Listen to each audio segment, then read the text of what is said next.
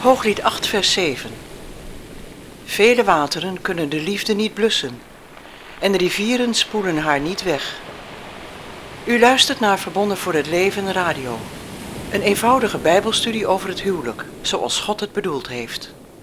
Samenstelling en presentatie Willem en Helen Lingeman.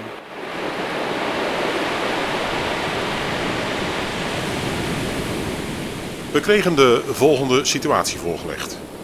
Ons huwelijk had er nooit moeten zijn. Het is ook zeker niet Gods wil geweest. Het was één groot drama. We zijn dan ook gescheiden en allebei hertrouwd. Het mag duidelijk zijn welke tragedie achter deze enkele woorden schuilgaat.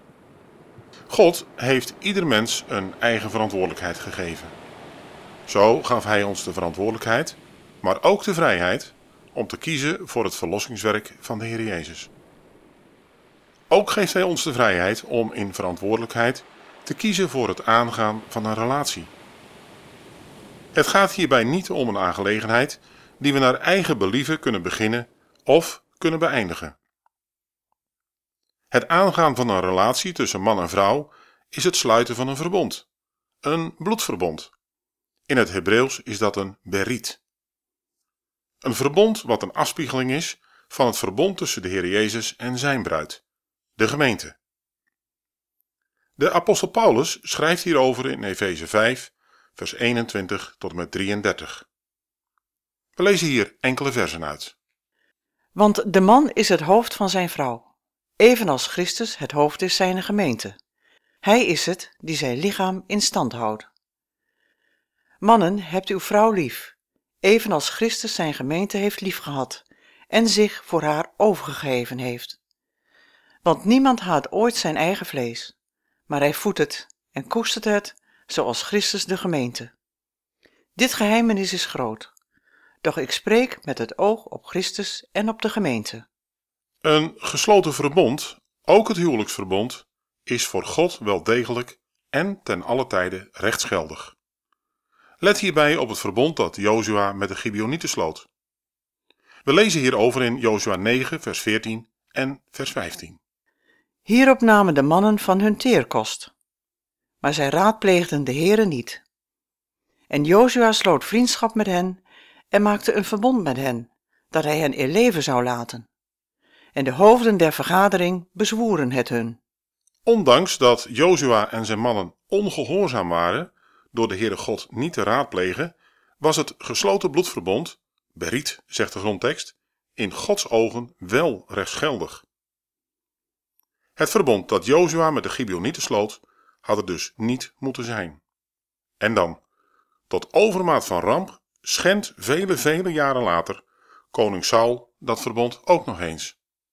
In 2 Samuel 21 vers 1 lezen we daarover, maar ook over Gods straf die daarop volgt. Drie jaar hongersnood. Er was in de dagen van David een hongersnood, gedurende drie jaren achtereen. En David zocht het aangezicht des Heren. De Heere zeide, op Saul en op zijn huis rust een bloedschuld, omdat hij de Gibeonieten gedood heeft. Er rustte vanwege het door koning Saul verbreken van het door Jozua gesloten verbond een bloedschuld op het koningshuis en het volk van Israël. David gaat naar de koning van de Gibeonieten en vraagt hem hoe de verbondsbreuk weer hersteld kan worden. Het liefst had de koning van de Gibeonieten Saul in levende lijven gehad om hem te straffen. Maar dat kon niet meer, want Saul leefde niet meer. Daarom vraagt hij om zeven zonen van Saul, zeven prinsen. Ze worden allemaal gedood door ophanging. We lezen verder in 1 Samuel 21, vers 13 en vers 14. Hij, David, bracht de beenderen van Saul en zijn zoon Jonathan vandaar mee, en men verzamelde ook de beenderen van hen die opgehangen waren, en begroef de beenderen van Saul en van zijn zoon Jonathan in het land van Benjamin, in Sela, in het graf van zijn vader Kis. Men deed alles wat de koning had geboden. En hierna ontfermde God zich over het land. We moeten ons ten alle tijde realiseren dat we, als we trouwen of gaan samenwonen, een verbond sluiten. Niet zomaar een verbond, het is een bloedverbond, een beriet. Als een huwelijk er nooit had moeten zijn, had dat verbond ook niet moeten worden gesloten. Is het fair om te zeggen dat een huwelijk zeker niet Gods wil is geweest, terwijl je zelf een bloedverbond sluit en je zelf je huwelijk juridisch ontbindt? Het vereist grote zorgvuldigheid als we de man of vrouw kiezen met wie we een bloedverbond sluiten en aan wie we levenslang trouw beloven. Goed onderwijs over het huwelijksverbond is essentieel en voorgangers en pastoraalwerkers zouden hier ook heel veel tijd in moeten steken. Spreuken 3 vers 3 Dat liefde en trouw u niet verlaten. Bind ze om uw hals, schrijf ze op de tafel van uw hart. U heeft geluisterd naar Verbonden voor het Leven Radio. Samenstelling en presentatie Willem en Helen Lingeman. Heeft u vragen naar aanleiding van deze uitzending? Dan kunt u contact opnemen via het reactieformulier op onze website www.verbondenvoorhetleven.nl of www.unitedforlife.eu. Zo de Heere wil graag tot de volgende keer.